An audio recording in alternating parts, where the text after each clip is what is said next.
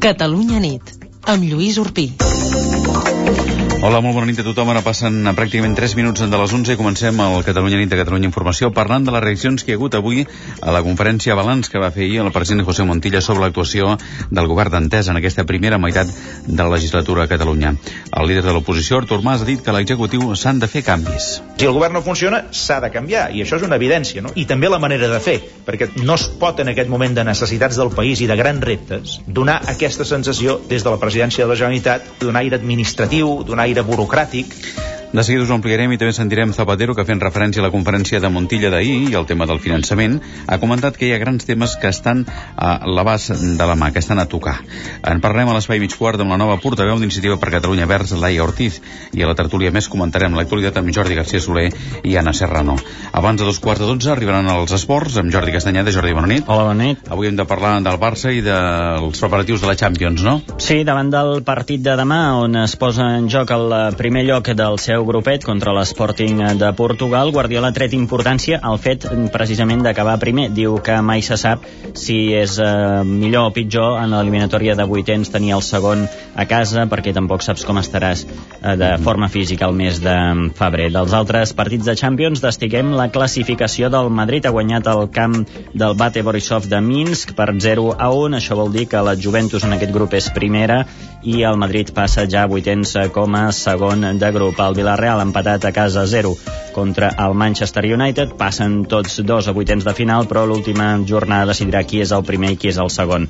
A l'Espanyol, després de la jornada intensa d'ahir, avui Tintín Márquez ha tret pit i assegura que ell i els seus jugadors remuntaran els mals resultats que han portat l'equip a 3 punts del descens i per acabar amb bàsquet ha tornat eh, dels Estats Units el pivot de la penya Mensa Bonso s'ha reunit amb, el, eh, amb els dirigents de l'equip verd i negre i demà decidiran el futur del jugador del club. Molt bé, gràcies eh, Jordi i fins després. Fins després. I ja sabeu que ens podeu fer arribar els vostres correus a l'adreça del programa catalunyanit arroba catradio.cat. Caixa Penedès us amplia la informació i us acosta a l'actualitat. Les notícies més destacades a fons.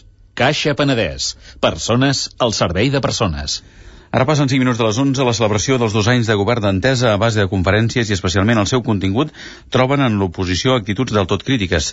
Les alternatives que plantegen van des que Montilla provoqui una crisi de govern, una remodelació, fins a demanar eleccions anticipades. Ens ho explica Joan Tria. Joan, bona nit. Bona nit. El líder de Convergència i Unió, Artur Mas, veu necessari canviar consellers per ser efectius davant els diferents reptes.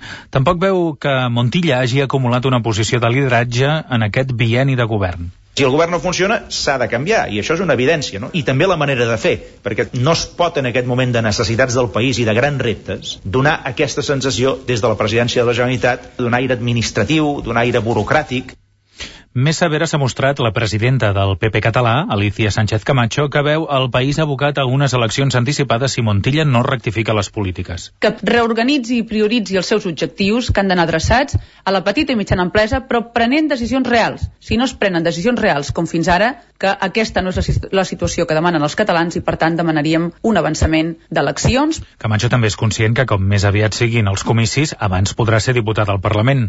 A més, l'oferta d'unitat davant la sentència del Tribunal Tribunal Constitucional que va plantejar ahir el president del govern ja té condicions per la banda de l'oposició.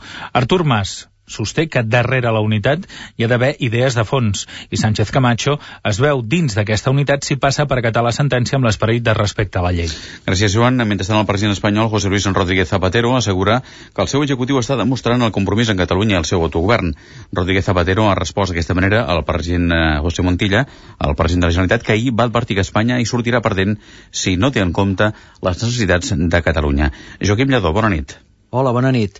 El cap de l'executiu espanyol s'ha mostrat confiat que les negociacions pel nou model de finançament estan en la recta final. Rodríguez Zapatero ha destacat que el seu govern ha contribuït al creixement de Catalunya i a les seves aspiracions. En muy poco tiempo se ha sido muy ambicioso y muchas de las cosas más importantes, como es el desarrollo pleno del Estatuto, el nuevo modelo de financiación, la culminación de las grandes obras de infraestructura, las tenemos al alcance de la mano. Rodríguez Zapatero ha explicat que José Montilla ha fet un treball seriós en aquests dos anys de govern i ha qualificat de bona la relació entre els executius espanyol i català.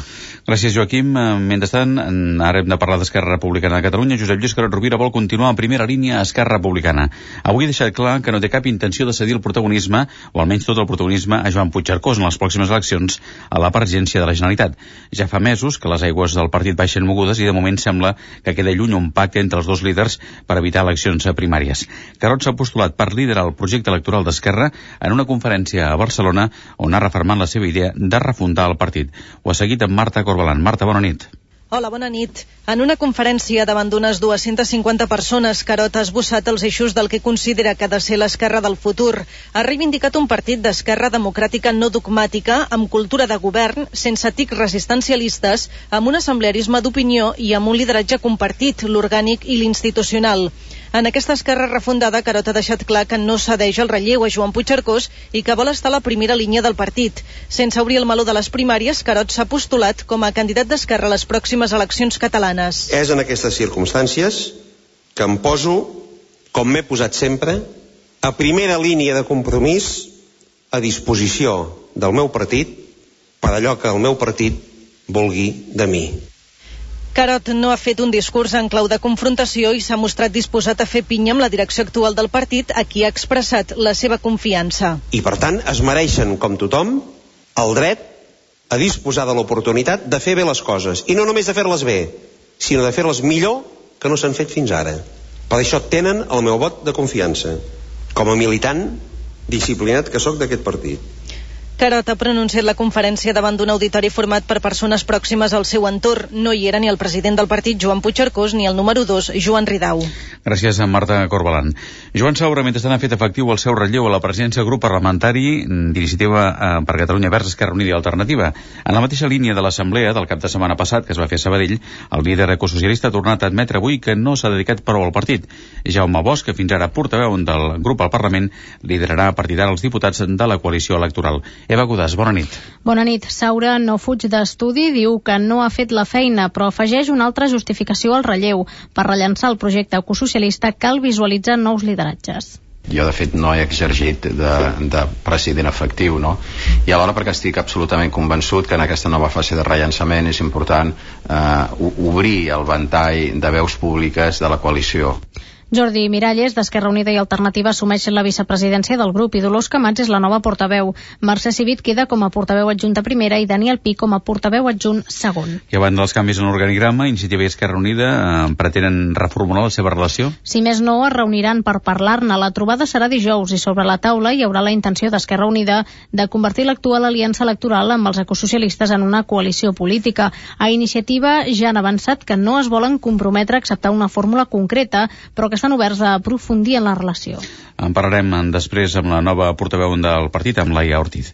El govern espanyol demana al president de la Conferència Episcopal Espanyola, Antonio María Rouco Varela, que respecti l'exhumació dels cossos de les víctimes del franquisme de la mateixa manera que es va respectar la canonització dels màrtirs de l'Església. El cap del govern espanyol, José Luis Rodríguez Zapatero, reivindica la recuperació de la memòria històrica davant la petició de Rouco de passar pàgina per evitar confrontacions violentes. Si todos los ciudadanos, todos los colores, han que la Iglesia Católica haya hecho un número muy importante de canonizaciones de mártires de la guerra civil, ¿por qué todos no debemos de respetar en ese espíritu de reconciliación que familiares de víctimas de la guerra civil puedan saber dónde están enterrados sus seres queridos? El ple de la Sala Penal de l'Audiència Nacional revisarà demà la decisió que va prendre fa dues setmanes de suspendre l'obertura de fosses comunes. Els magistrats estudiaran els recursos contra la resolució on es va ordenar paralitzar les exhumacions, uns recursos presentats per les associacions de memòria històrica i també per particulars, com ara la neta del president del govern de la Segona República, Juan Negrin. Continuem parlant de la memòria històrica perquè el ple del Congrés ha rebutjat la proposta d'Esquerra Republicana de reformar aquesta llei. El PSOE, el Partit Popular hi han votat en contra i Convergència i Unió s'ha abstingut. El debat a propòsit de la memòria ha tornat a generar enfrontaments entre populars i republicans. Ho ha recollit a Madrid Joan Rossinyol. Joan, bona nit. Hola, bona nit. Esquerra, que des d'un primer moment ha estat molt crítica amb la llei de la memòria històrica, entén que mesos després de la seva aprovació no serveix. Ho evidencien fets, diuen els republicans, com el pronunciament del Comitè de Drets Humans de l'ONU a favor de derogar la llei d'amnistia del 77 o tot allò relacionat amb la causa oberta pel jutge Garzón. El republicà Joan Tardà lamenta, per exemple, que el Congrés tingui una sala dedicada a Manuel Fraga. Señorías, ¿conciben que en el Parlamento alemán pudiera existir una sala dedicada a un jerarca nazi? En Alemania no, pero aquí sí. Aquí, en este Parlamento, existe una sala dedicada a un ministro franquista corresponsable de muertes y ejecuciones. Un comentari que ha molestat molt al diputat del PP, Jorge Fernández Díaz, que ha elogiat la feina dels pares de la Constitució. Actuaron con altura de miras y con generosidad y con mucha responsabilidad.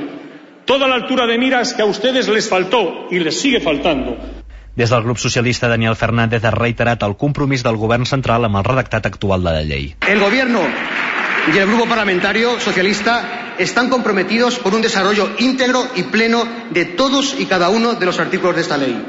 La proposta d'Esquerra, que no ha tirat endavant, proposava reivindicar la Segona República com a precedent legítim de la democràcia actual i apostava també perquè el rei Joan Carles, com a cap de l'Estat, demanés perdó pels crims del franquisme. Gràcies, a Joan. I encara en aquest àmbit, l'Associació per la Recuperació de la Memòria Històrica denuncia la primera negativa d'un jutjat en territorial a fer-se càrrec d'una investigació autoritzada per Baldassar Garzón en una fossa comuna. El jutjat d'instrucció de Pontferrada, León, havia rebut un exhort de Garzón que, segons l'entitat, ha estat retornat al jutge. L'associació notificarà els fets al Consell General del Poder Judicial. Aquesta és la primera exhumació que es demana un jutjat territorial després de la inhibició del jutge Garzón de la investigació, recordem-ho, dels crims de la Guerra Civil i el franquisme. I en últim punt, el Tribunal de Belfast en dubte que l'enaltiment del terrorisme permeti l'extradició automàtica de l'express Tarra Iñaki de Juana Chaos a Espanya. El jutge d'instructor ha afirmat que encara hi ha un debat sobre si aquest delicte pot comportar l'entrega de De Juana. Segons la normativa legal, per extradir un acusat de terrorisme la pena ha de ser superior a 3 anys i aquest delicte suposa una condemna de només 2 anys. Avui el jutge ha convocat la defensa de l'express Tarra i el fiscal que representa la justícia espanyola i els ha presentat els arguments legals de l'Audiència Nacional que reclama l'extradició. El magistrat nord-irlandès ha fixat la vista pública sobre aquest cas pel dia 5 del mes que ve. Geni de la llàntia meravellosa. Doctor, no sé què li passa. Vull un televisor. Pidola i pidola. Un ordinador. Tot el dia frega targetes de color verd. Unes vacances fantàstiques. I no és el primer. Unes maletes. És greu, què ets de fer? I per tots. Comprar amb les targetes Visa de Caixa Penedès podrà pagar quan vulgui i, a més, guanyarà regals. Joan sortim a comprar. Targetes Visa de Caixa Penedès. Genials. Caixa Penedès. Persones al servei de persones.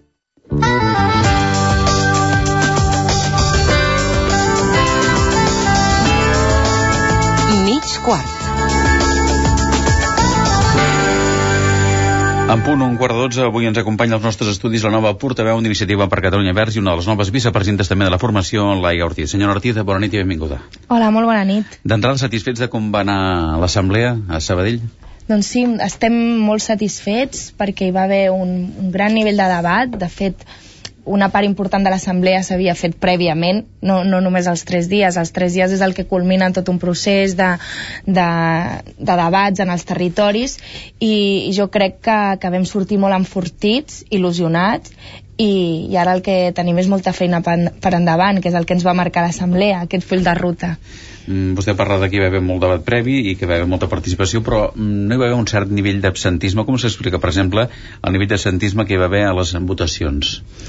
Bé, aquí és una de les reflexions que vam fer, perquè, per, per exemple, quan s'havia d'escollir el, el Consell Nacional, en comptes d'obrir la urna durant una llarga estona, com, com s'ha fet al, altres vegades, es va esperar fins a les 9 de la nit, una vegada havien acabat les comissions, i, i fins que no es va presentar la proposta ja eren allò un quart de 10, i llavors es va obrir perquè tothom fes la votació en aquell moment. Jo crec que això sí que va tenir un impacte en reduir la, la participació, doncs perquè gent després del debat a les comissions potser eh, va començar a marxar, i, i jo crec que s'explica per això, perquè el nivell d'assistència a, l'assemblea doncs, va ser elevat i aquí segurament va ser un error de procediment, és a dir, en comptes de deixar les urnes obertes i que durant tota la tarda la gent pogués votar, doncs es va fer un moment concret i, i, i doncs això va dificultar la participació de, de tots els delegats i delegades.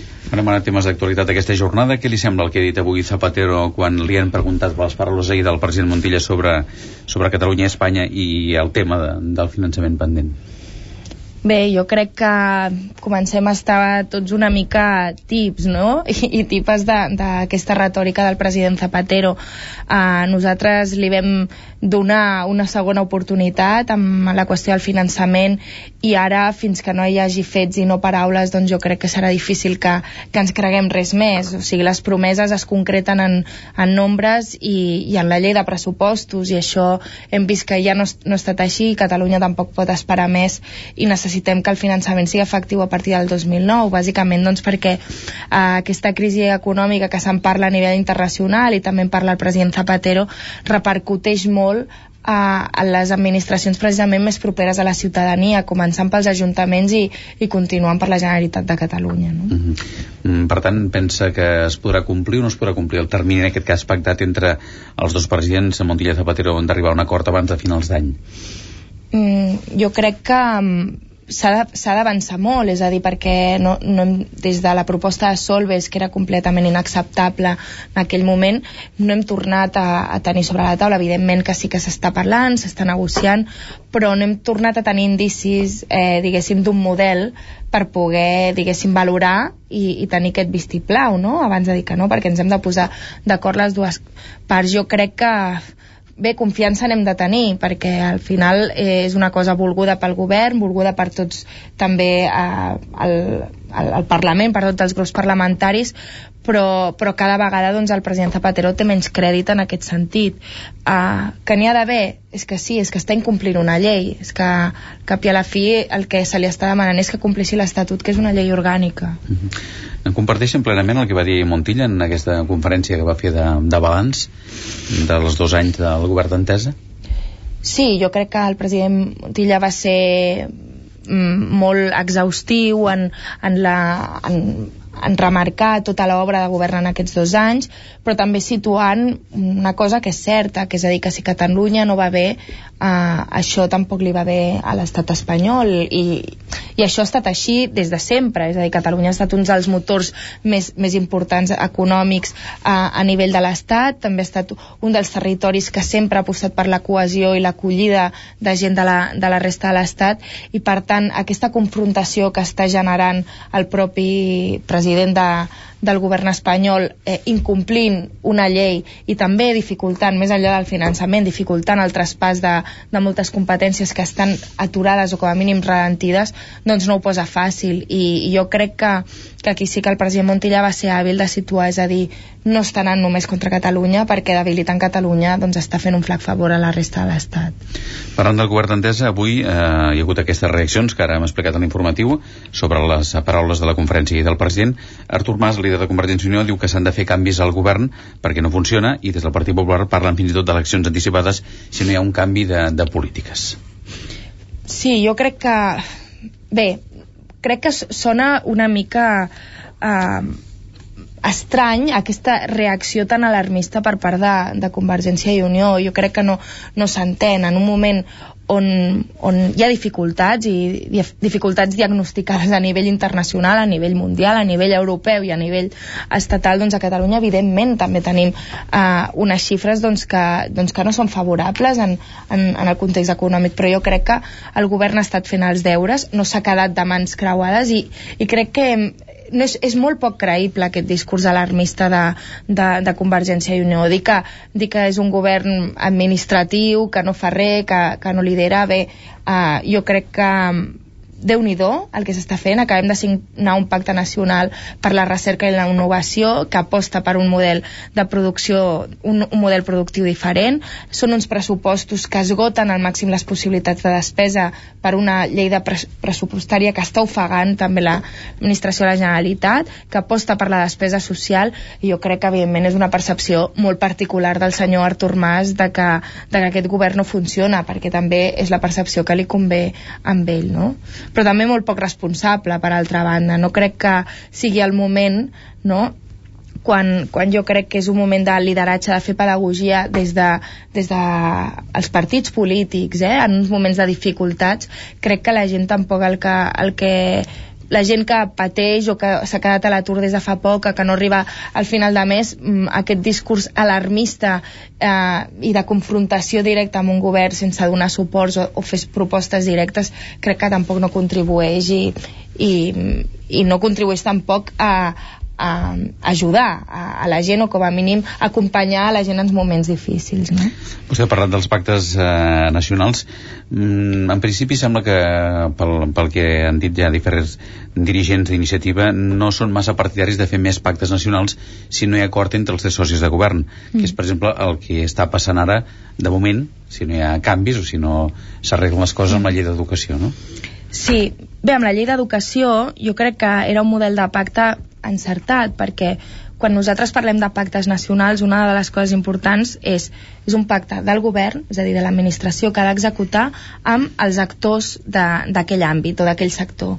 És a dir, en, en el Pacte Nacional per l'Educació no era una, un pacte de partits, era un pacte del govern amb la comunitat educativa, on aquí hi havia doncs, la, les escoles concertades, les escoles privades, les escoles públiques, els moviments de renovació pedagògica, pares i mares, etc etc. Nosaltres, precisament, el que defensem eh, quan diem no a aquest projecte de llei d'educació, de, el que defensem és precisament el pacte nacional. Jo crec que una mostra que, que ens dona la raó és que nosaltres no ens hem mogut d'aquest pacte sinó que ha estat el govern, i en concret el Departament d'Educació, de, de, que ha dit bé, doncs jo em desmarco i això ha donat fruit a que 12 dels 20, dels 20 signants del pacte estiguin en contra d'aquest projecte de llei.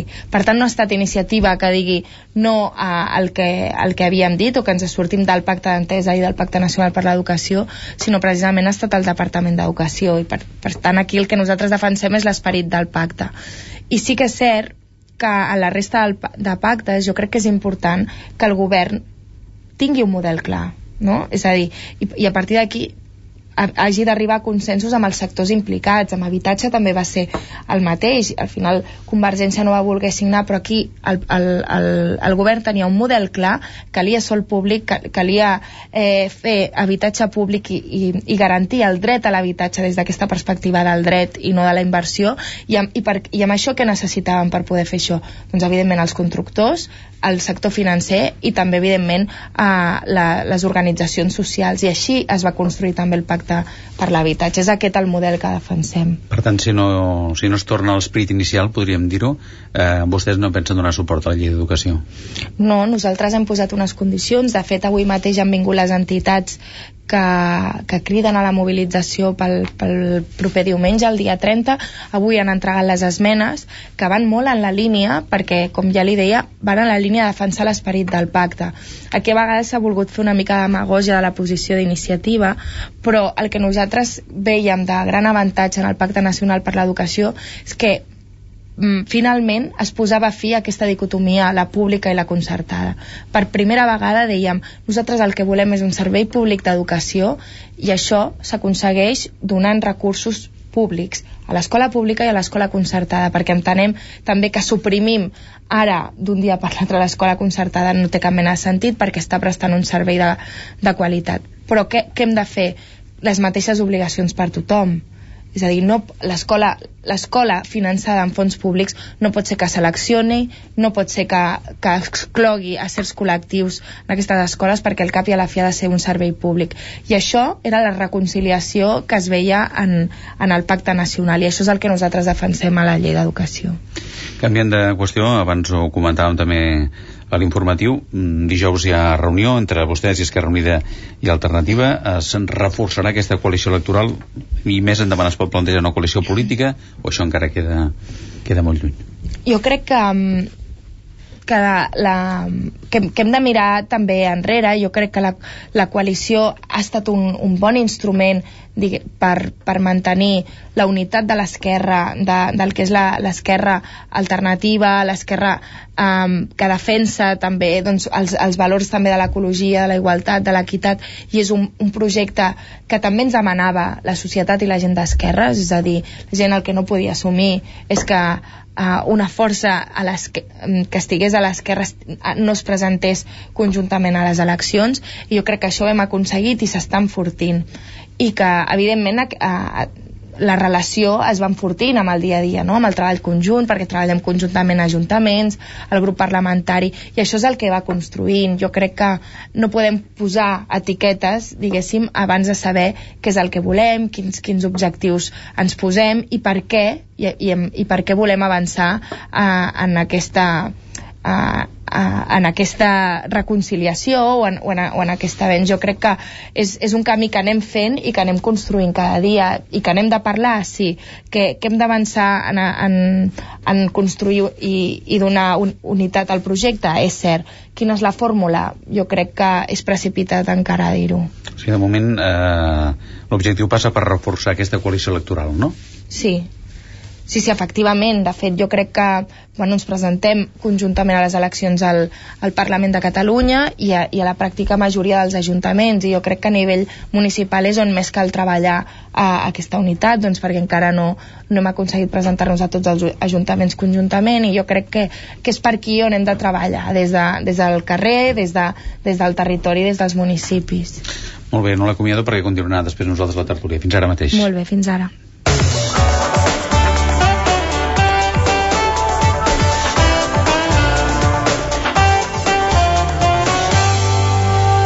Dos minuts i arribarem al punt de dos quarts de dotze, és el moment dels esports i de Jordi Castanyeda. Jordi, bona nit. Bona nit. Barça Champions, com estan les coses a Lisboa, no són? Sí, exacte.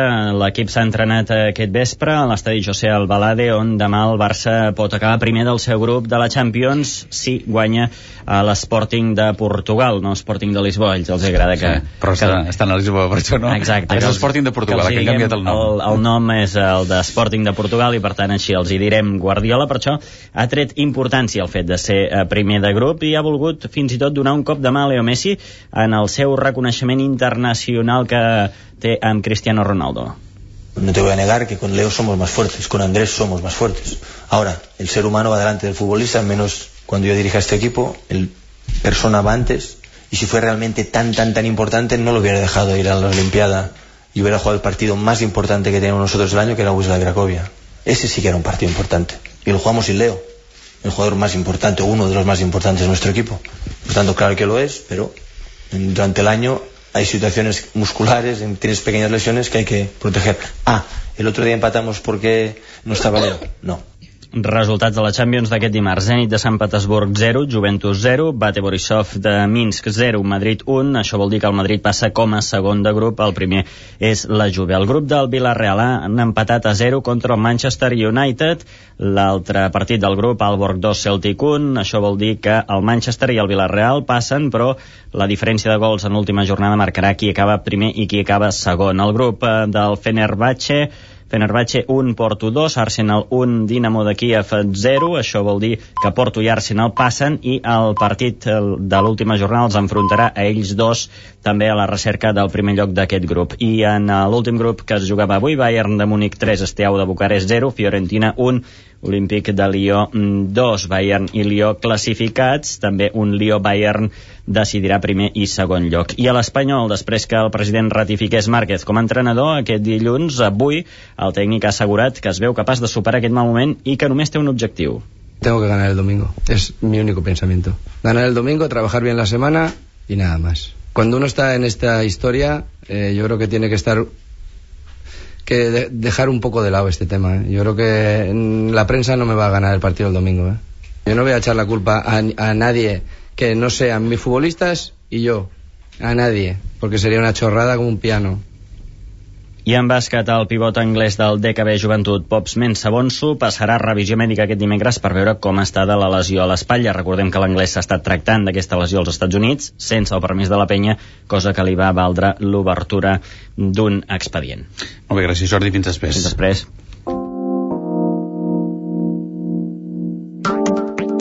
Catalunya nit, amb Lluís Urpí. I ara és el moment de repassar algunes de les principals notícies d'aquest dimarts 25 de novembre. Ho fem tot seguit en la Victòria Vilaplana. Victòria, bona nit, quan vulguis. Bona nit, Lluís. Doncs eh, comencem parlant del líder de Convergència i Unió, Artur Mas, que ha dit que el tripartit ha fet retrocedir Catalunya i ha instat a José Montilla a fer una reforma del govern. El PP ha reclamat eleccions anticipades. Evidentment, ens referim a la resposta al president Montilla de la conferència d'ahir. Sobre aquesta qüestió, José Luis Rodríguez Zapatero ha assegurat que el seu executiu està demostrant el compromís amb Catalunya Catalunya i el seu autogovern.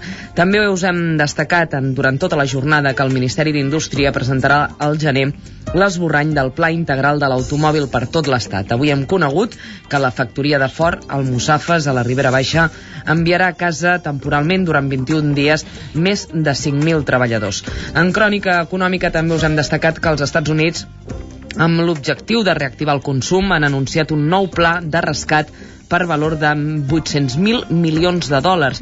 600.000 milions es destinaran a comprar actius a les principals entitats hipotecàries i els 200.000 milions restants a avalar crèdits al consum.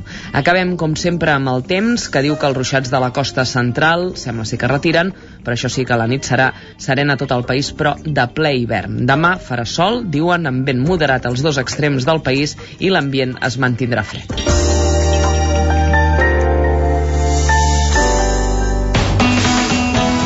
Bona nit. El número premiat del cupó diari celebrat avui és el... És el 94.040 94040. Demà, com cada dia, hi haurà un venedor molt a prop teu que reparteix il·lusió. Bona nit i recorda que amb el sorteig de l'11 la il·lusió es compleix. Catalunya nit. L'anàlisi de la política i els seus protagonistes a Catalunya Informació. Ara passen 3 minuts de dos quarts de 12. Ja sabeu que ens podeu fer arribar els vostres correus a l'adreça del programa catalunyanit.catradio.cat. Avui la tertúlia, com us dèiem, continua amb nosaltres Laia Ortiz i ens acompanyen els periodistes Jordi García Soler i Anna Serrano. Bona nit i benvinguts. Bona, Bona nit. nit. Bé, d'entrada volen comentar alguna cosa, algun aspecte del que ha dit eh, Laia Ortiz, la nova portaveu d'iniciativa per Catalunya Verds, ara fa uns instants a l'entrevista. Sí, jo ahir parlava amb un company de Laia Ortiz, amb, amb l'eurodiputat Raül Romeva, uh -huh. que el vaig trobar aquí a la ràdio, i li deia, em sembla que és el primer congrés postcomunista que ha organitzat eh, iniciativa. I quan dic primer congrés postcomunista, era el primer congrés en què no hi havia tots els tics tradicionals dels congressos comunistes.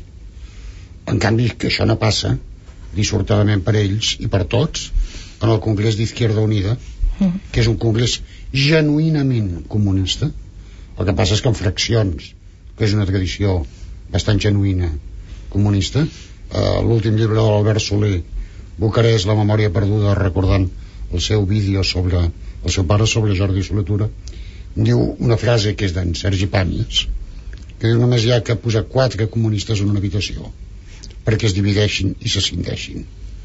Doncs el cas d'aquest congrés d'iniciativa, jo crec que el millor elogi que es pot fer és que és el primer congrés postcomunista dels hereus del PSUC uh -huh. o d'uns dels hereus del PSUC a mi m'agradaria veure que els altres hereus del PSUC partit en què jo eh, vaig tenir i tinc grans amics eh, i persones que he admirat molt des del Jordi Soletura fins al Miguel Núñez molt recentment, el Josep Soler Barberà o l'Antoni Gutiérrez Díaz m'agradaria que eh, Esquerra Unida i Alternativa i també Izquierda Unida arribessin algun dia el més aviat possible perquè si triguen gaire potser ja no ho faran mai a fer un congrés postcomunista jo crec també que ha estat uh, molt positiu, no? que s'han pogut sentir moltes veus dels territoris, fins i tot amb crítiques, uh, mateixa autocrítica de, del Joan Saura admetent que potser no havia estat del tot president des de que va uh, assumir la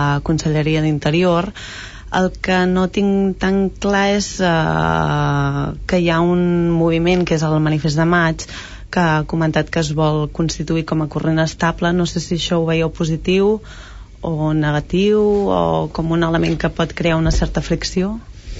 No, jo penso que no i de fet um, ells, ells sobretot es van constituir arrel de l'assemblea perquè creien que havien de tenir una veu pròpia també crec que hem de dimensionar uh, uh, què és el manifest de maig, al cap i a la fi són 30 persones i crec que hi ha un, una part d'aquestes 30 doncs, que ja no forma part perquè al cap d'un temps doncs, també no, no acabaven de compartir. Per tant crec que ho hem de, de dimensionar dins de, de, la, de la militància d'iniciativa. Ells volen continuar, jo crec que han contribuït al debat jo crec que un, de, un dels elements importants d'aquesta assemblea i que segurament hem trencat amb, amb, amb dinàmiques anteriors jo també per, per la meva edat n'he viscut dos, a part aquesta és la tercera assemblea d'iniciativa i sí que eh, el nivell de debat que he vist en aquesta, però també la capacitat d'integrar eh, diferents visions i trobar eh, um, una fórmula i una estratègia on tots i totes ens sentim còmodes jo crec que ha estat molt, molt important i de fet es veia perquè quan parlàvem amb, amb, amb diferents sectors doncs tothom estava content de com havia anat no? i que si el manifest de maig vol continuar bé, jo crec que estaria bé que, que continuïn perquè crec que ells també han de, valu han de valorar si el que ha sortit de, de l'assemblea doncs està duent a terme o es, eh, anem en aquesta línia o no i jo crec que per si mateixos doncs valoraran si, si, si té sentit continuar mantenint-se com a corrent o, o no perquè ja s'ha incorporat en l'estratègia Ara, de tota d'iniciativa manera, a mi em sembla molt bé, eh? És a dir, el Sí, reconeixement sí, sí, de corrents sí. interns Sí, de pluralitat, em sembla no? Sí. un exemple de pluralitat hi ha molts altres partits que tenen corrents interns. Mhm. i després crec que els mitjans de comunicació tendim, com apuntava una mica la Laia a magnificar corrents interns. sí, sí. jo només vull recordar el cèlebre corrent al matí d'Unió. Democràtica. Eh, que bé, que Ja no semblava que, que semblava que s'havien de fer amb el control del partit. I em sembla que eren quatre. Clar, vull dir, és que a vegades i al final em recorda sí. una frase que deia el meu pare que en temps de la república hi havia un policia que circulava pel carrer i deia se prohíben grupos de más de uno doncs, clar, vull dir, tot el que és un grup de més d'un en un partit es pot constituir en corrent. Doncs home, sí, però és un corrent que fa molt poc vent eh? no fa ni aire. Sí, i sobretot perquè jo a vegades, a vegades per l'etiqueta de dir corrent crític, no?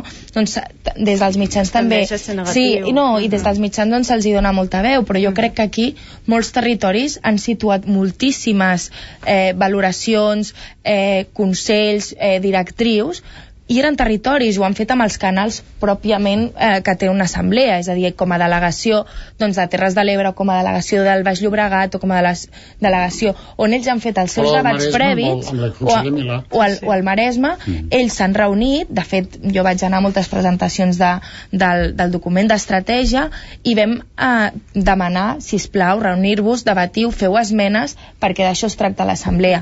I, vega- i, i, I segurament doncs, un territori té molts més adherits i adherides que, que, que aquest corrent, no? És curiós perquè els mitjans de comunicació tendim a que si surt un resultat del 99%, Preguntes per l'1%. És a la bula. És a la bula. Ah. Sí, això sí, això sí. És una mica més baix, ja és un vot de 70%. càstig. Ui, vot de càstig molt elevat. En aquest cas va ser el 75%. Quin és? 75%. Què és? No, no, que, que és era el 75%. Sí. No bastant ampli. Vot de càstig, escolti'm, aleshores quina és la mida justa? És allò eh, que mm, em sembla que ho vaig comentar aquí quan les eleccions als Estats Units. Gran participació als Estats Units. No, vostè perdoni, 65% de participació sobre el cens de votants inscrits. Eh, Per tant, doncs aquí moltíssimes eleccions ho superem i diem que la participació és baixa. A mi m'agradaria que abans dels congressos la premsa, cada mitjà digués mm. considerarem correcte tal resultat. Perquè, Tant per cent, aquest tant per cent. Sí, aquest tant per cent. sí. Perquè és que aleshores, eh, cada, cada vegada, al final és allò de que eh, que una bona notícia no et faci perdre un, un bon titular. Mm -hmm. Sí. I per tant, 75% eh, és molta crítica, 99% és de la búlgara. Què ha de ser? 83 i mig o... no sé. 83 i mig seria allò... No sé.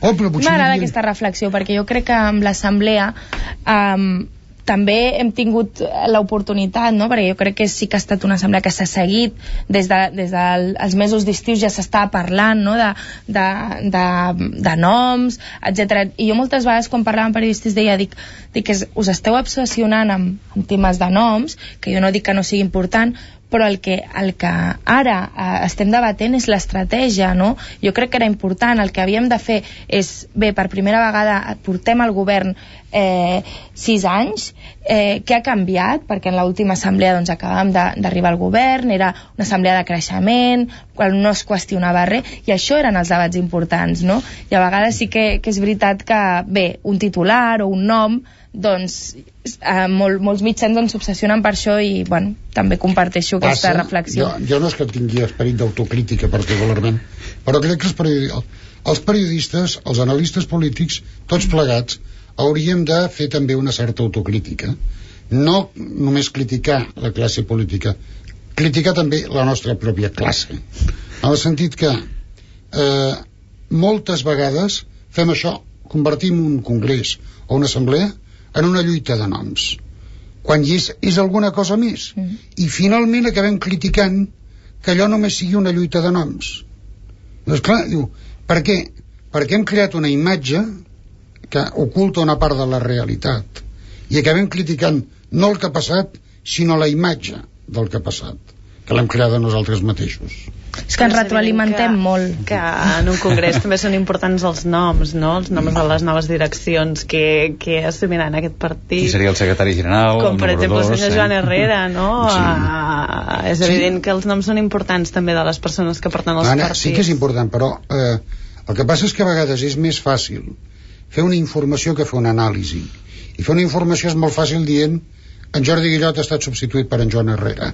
En canvi, què representa la substitució del Jordi Guillot pel Joan Herrera requereix més explicació, més anàlisi, possiblement més coneixement del tema. Uh -huh. Però jo crec que també ho intentem fer, això. No, Ara no. ja trec una llança No, Anna, a favor dels mitjans. No dic eh? que no és fàcil, dic que massa sovint Mm. es redueix o es simplifica a la qüestió de noms en detriment de l'anàlisi política més, més rigorosa. Sí, i, i bueno, jo crec que és molt important eh, el que està comentant. Jo, jo sí, he vist moltes cròniques de, de, evidentment, els periodistes que ens segueixen, que coneixen eh, també la, la nostra formació política, però sí que és veritat que a vegades s'ins- es- s'instauren lluites artificials que les veus als diaris i jo no les reconec internament. I a mi això m'ha passat, no?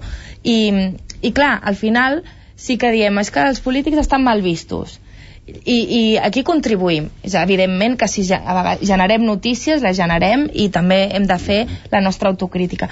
Però a vegades no la generem i se'ns instaura de que col·locar un, un nom nou vol dir que has defenestrat algú o que, o que t'has barallat amb algú o, o que has volgut assaltar el poder i no és així. O sigui, eh, i, i no ha estat a, a, el cas no? i jo no em reconeixia moltes vegades en, en articles o, o en cròniques que es feien.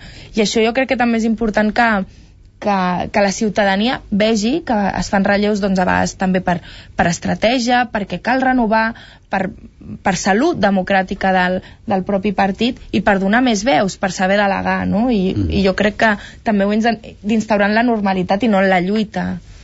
Estem arribant al punt de 3 quarts de 12, estem fent tertúlia al Catalunya Nit amb Laia Ortiz, Jordi García Soler i Anna Serrano. Deixem aquest debat sobre els mitjans de comunicació, que hem partit de l'Assemblea d'Iniciativa i ara estàvem parlant ja amb, una, amb exemples molt, molt gràfics que, que vostès comentaven. Bé, eh, després de la conferència del president Montilla, avui han arribat les reaccions, les explicàvem molt informatiu, eh, què els hi sembla el que ha dit avui, per exemple, doncs Artur Mas i Alicia Sánchez Camacho són els que eh, han destacat més pel que fa, diguéssim, a l'oposició. Jo crec que eren reaccions bastant esperables a les dues, a, a corresponents a partits que estan a l'oposició, dir que, que el govern no funciona, no va i a lo millor fins i tot demanar una crisi de govern, no? I en el cas de la senyora Sánchez Camacho demanar eleccions anticipades cosa que a la vista del que va dir ahir el senyor Montilla dient que era un govern que tenia voluntat renovada, un projecte Mm. de voluntat De renovada i Mm. continuïtat que a mi em va donar la sensació que no només parlava d'esgotar la legislatura, sinó de més endavant, em sembla que no vaja, que no, no se'n sortirà. Jo, jo crec que eren d'ofici, és a dir, senzillament. És a dir, han fet el que s'esperava, han dit el que s'esperava, i crec que tots dos eh, s'han passat. Tot i que s'esperava. És a dir, eh, Artur Mas, què diu? Remodelació del govern, etc etc. Escolti'm, el govern funciona, el president n'està satisfet, hi ha i amb aquesta jo crec que és la desesperació de Convergència i Unió particularment de Convergència no sé si tant d'Unió i molt especialment personalíssimament d'Artur Mas hi ha una aposta estratègica a mig i llarg termini del PSC d'Esquerra Republicana d'iniciativa Esquerra Unida que és mantenir el govern d'entesa el govern de l'esquerra catalanista. Això què fa? doncs avui s'ha plasmat. Deixa a l'oposició dues forces que difícilment podran arribar a sumar una majoria alternativa a aquesta que són eh, Convergència i Unió i el PP que no la sumaran. I aquesta és la, és la gran desesperació la senyora Sánchez Camacho aleshores s'ha passat tres pobles. Eleccions anticipades. Ja me faltava que sortís el, el tercer membre del trio que seria el senyor Albert Rivera i que hagués demanat la dissolució de la Generalitat per entendre'ns. Em sembla que era que s'han passat. Ara, dit això crec que el més, el més important d'aquest segon aniversari del govern d'entesa és que es confirma l'aposta estratègica dels tres grups que l'integren i això mm, Artur Mas d'una manera molt particular el té desesperat perquè vol dir que 4 anys més és dir, 2 i 4 són 6 6 anys més a l'oposició vaja mm, no veig que Artur Mas pugui continuar al davant no dic de Convergència i Unió sinó de Convergència i que possiblement Convergència i Unió doncs doni lloc a alguna altra fórmula política mm. Uh... Sí. Bé, jo ja ho he comentat abans també a l'entrevista, jo crec que sí que s'han passat de frenada, jo crec que davant la necessitat de reaccionar d'una manera contundent, que tampoc crec que és el que se li demana a l'oposició en els temps que corren, crec que no és això el que se li hauria de demanar, doncs s'ha passat de frenada, perquè els, els, el que proposen eleccions anticipades, per què? Amb quin motiu? És a dir, el govern funciona, és veritat, hi ha una situació econòmica difícil, que no és difícil a Catalunya, sinó és difícil a, arreu del món, a, a Europa i, i a Espanya també, i a, i, a, nivell internacional. I el senyor Mas demana una crisi de govern que no respon a res en concret, ni a una, a una mala gestió d'un departament en concret. Per tant, jo crec que això no ho entén la ciutadania ni fins i tot els propis votants de Convergència i Unió a què respon aquesta resposta. Jo crec que en comptes de fer una resposta de tràmit a la conferència d'ahir han volgut generar un titular i crec que s'han passat de frenada.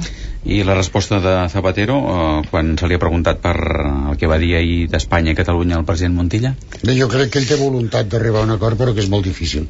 Jo he dit aquí moltes vegades una altra cosa, que crec que eh, ni el PSOE ni el PSC ni el govern d'entesa es poden permetre no arribar a un acord de finançament i arribar-hi el més ràpidament possible. I que els principals perjudicats de no arribar-hi són per aquest ordre el PSC, el PSOE i el govern d'entesa. I que per tant inevitablement arribaran a posar-se d'acord i complint aquest termini que abans comentàvem sí, no sé, espero que sí. Jo segur que la voluntat la té tot eh, el senyor Zapatero però jo és que aquestes promeses d'estem a tocar de, bueno, d'estem a tocar de, estem al final, ja ho tenim. a l'alcance de la mano avui sí, dia. a l'alcance de la mano i és que la veritat ja es va incomplir el 9 d'agost es va incomplir el 17 de novembre. Estem a les portes del desembre i bueno, a mi m'olora fa mala olor de que potser el govern espanyol el que vol és presentar una proposta perquè s'hi enganxin els territoris. Jo no tinc clar que en un mes la reforma del finançament pugui estar... Resolta. Sí. Anna, jo crec que hi ha una cosa, que si justament ha trigat tant a produir-se, a mi els pactes rapidíssims em fan molta por. És a dir, els pactes rapidíssims són pactes del Majestic que acaben portant sistemes de finançament com l'actual que té Catalunya, en el qual Catalunya ha perdut molt no, no va no és que no guanyés poquet, no, no, no és que ara, dades del Ministeri d'Economia i Hisenda publicades recentment es demostra que per culpa del pacte de Majestic govern PP, govern i Convergència Catalunya va perdre i va perdre molts diners prefereix un pacte aconseguit més tard encara que sigui una cosa que... Però molt eh, més tard, eh? Fa dos anys, eh, que l'Estatut està en vigor. Sí, però el pacte, sí, però és 9 d'agost. S'havia sí. d'haver arribat el 9 d'agost. Mm, jo crec que les lleis s'han de complir i que per tant s'havia d'haver complert el 9 d'agost ara, prefereixo arribar a un bon pacte tard que arribar en termini o que el mateix dia d'aprovació de l'Estatut ja hi hagués hagut un pacte de finançament que fos tan perjudicial com el pacte del Majestic. No, no, totalment Sí. d'acord. Ara, eh, El digue'm, sí que- digue'm optimista. Sí, sí, totalment. El que sí que és cert, és que, el que sí que és cert és que fa dos anys que s'ha aprovat l'Estatut i eren dos anys per uh, fer aquesta Esclar. negociació, no? I perquè al cap i a la fi, i, independentment del context, el model de finançament el que ha d'acordar són uns principis no? I, i unes línies a seguir. Si hi ha un pressupost més elevat perquè estem a- en època d'alça, doncs també rebrem més. I si, I si hi ha un pressupost, diguéssim, més, més reduït, doncs rebrem menys. Però els principis, el, la, la qüestió de l'ordinalitat, la qüestió de tenir en compte l'augment de la població, tenir en compte el dèficit fiscal criteris. acumulat, aquests La criteris... el model, el, tot el, el model, model, no? El model és aplicable en qualsevol moment, hi hagi crisi econòmica o no. Per tant, és un model que s'havia de treballar, que l'Estatut ja el fixava i que hi havia dos anys per... per I jo crec que aquí mm, hi va haver una manca de respecte important. Començant pel senyor Solves, perquè jo crec que aquí també hi ha diferents sensibilitats dins del govern de, de l'Estat, però també una manca de, de, de voluntat del senyor Zapatero, que ara ho diu, que ara ho promet, sí, però ja s'ha incomplert la llei. Jo també confio perquè no pot ser d'una altra manera, perquè crec que políticament no hi ha cap altra via, ni cap altra sortida, que hi hagi un acord de finançament. Però és que, a més a més, hi ha una, hi ha una situació diferent en la política espanyola. Jo vull recordar que l'anterior acord de finançament, PP, mm, CiU, l'oposició socialista va estar mm, d'una moderació absoluta, sense crítiques i alerta, demanant que per la governabilitat Convergència donés suport al govern del PP. No és aquesta la situació. Eh? Ara, és a dir, hi ha una oposició del PP i a vegades no únicament del PP, sinó que tu saps perfectament també d'Izquierda Unida en algun cas, eh, excitant el, el conflicte territorial. Bé, jo crec que aquí No, no, hem estat bastant responsables No, a no, nivell de grup, eh? No, no, Mm. eh, d'Izquierda Unida. Sí. Eh? Dic d'Izquierda Unida. I concretament... Però aquí el Gaspar Llamazares jo crec que va no, ser un no, aliat... Gaspar Llamazares sí. no. D'Izquierda Unida concretament a Andalusia. Mhm. Mm? Eh, que ha jugat molt brut també en aquest cas hi ha aquest tipus de joc eh, que Coalició Canària també ha jugat brut aleshores home, eh, és molt difícil ara jo vull ser optimista i vull creure que abans de final d'any hi haurà aquest pacte. I si s'ha trigat tant estic segur que es farà bo. Perquè si no no s'hauria trigat. Si no s'hauria pactat abans del 9 d'agost 6 minuts que arribarem al punt de les 12 estem fent tertúlia amb la Ortiz, Jordi García Soler i Anna Serrano ha arribat la Victòria Vilaplana Victòria, bona nit Bona nit, Lluís. tenim ja tots o gairebé tots els titulars dels diaris de demà dimecres molt bé, no tenim el periòdico. Un clàssic ja. repassem la resta, hi ha, hi ha alguna notícia sorprenent? Mm, La veritat és que no. Eh, Sí que hi ha diversitat a l'hora de, de titular. Vull dir, Hi ha molts diaris que opten per eh, una aposta més econòmica Uh -huh. i d'altres, doncs, com ja veureu, per... Eh, sobretot la sentència dels Mossos d'Esquadra és, una, és un altre dels temes que recullen molts diaris. Molt. La Vanguardia, per exemple, diu que la banca posa traves al desembarcament de l'Ucoil. Aquest diari diu que Mas s'eregeix eh, en el líder del canvi, emulant Obama. És un titular que ens sonarà després perquè també hi ha un rotatiu que s'hi assembla molt en aquest titular. Siu i Solves aproven incentius fiscals per al Saló de l'Automòbil. El diari L'Avui titula Presó per a quatre Mossos per tortures. Diem quatre Mossos perquè és el, el que diu, com pots veure, Sí, sí, sí, eh, portada. clarament, aquest rotatiu és l'únic que parla de quatre agents dels Mossos d'Esquadra, la resta parlen de tres. El projecte de Carot aposta per la refundació d'Esquerra Republicana i assaig de la primera vacuna contra la sida dissenyada a l'Estat. Al diari El País, els Estats Units inunden de dòlars l'economia. El Consell General del Poder Judicial negocia suspendre el jutge Tirado de 5 mesos a un any i a les planes de Catalunya 6 anys de presó per a tres Mossos per tortures i lesions a un detingut. El diari El Punt, a la seva edició de Barcelona, titula tres Mossos condemnats a 6 anys de presó per tortures. Aquí anem, Mas s'erigeix en impulsor del canvi i acusa Montilla de debilitar Catalunya i l'àrea metropolitana de Barcelona a la cua en oferta lingüística en català, segons un estudi. Diari Público ja titula directament Operació Repsol. El govern rus manté el control de Lukoil. El rei va intervenir a favor, precisament, de Lukoil. I aquest diari també titula que una immigrant rep 20.000 dòlars que va trobar netejant.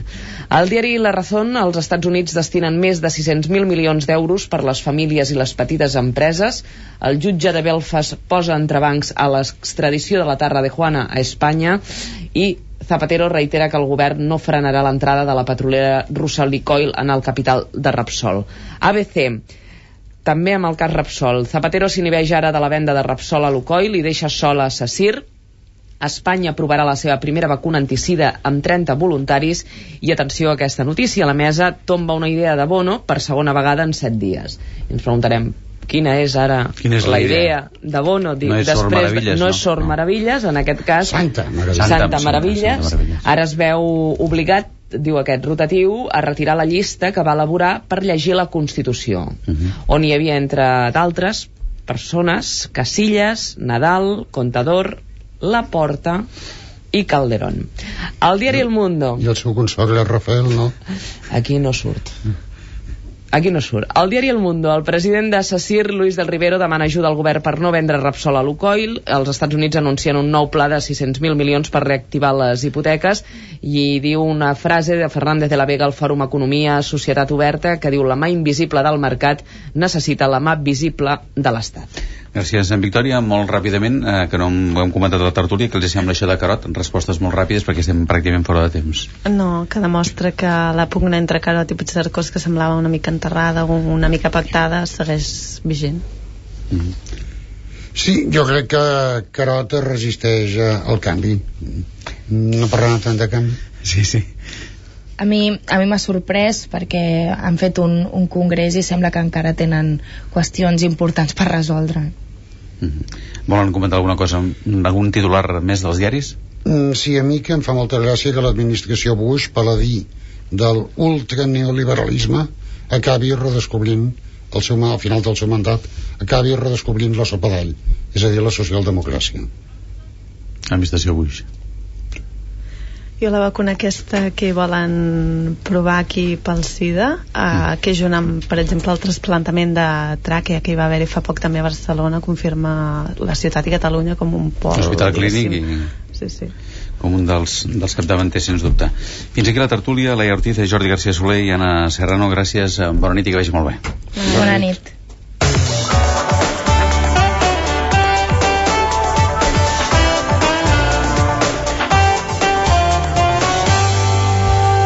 Recte final del nostre informatiu i del programa és el moment dels esports amb Jordi Castanyeda. Jordi, bona nit. Alguns resultats i reflexió. El resultat eh, principal d'aquesta nit és el Bate Borisov 0, Madrid 1, que junt amb el Zenit de Sant Petersburg 0, Juventus 0, classifica al Madrid per l'eliminatòria de vuitens de final. Demà juga el Barça eh, contra l'Sporting de Portugal des de Lisboa. I la reflexió d'avui passa per un documental que emetrà al canal 33 aquest divendres a 3 quarts i 5 minuts de 12 de la nit. És Ciutat Vella Club de Bàsquet i retrata la vida d'un grup de joves catalans, dominicans i filipins que viuen al Raval i que tenen com a nexe comú l'equip de bàsquet. Molt bé, gràcies, eh, Jordi Castanyeda. Bona nit i fins demà. Bona nit. I demà parlem amb la diputada d'Esquerra Republicana al Parlament, Marina Llançana. Fins aquí el Catalunya nit d'avui, que han fet possible Eva Godàs, Victòria Vilaplana, Jordi Castanyeda, Marta i Júlia Aparicio en la secció de política dels serveis informatius de Catalunya Ràdio i qui us parla, Lluís Urpí. Fins demà dimecres, gràcies per la vostra atenció, bona nit a tothom i molta sort.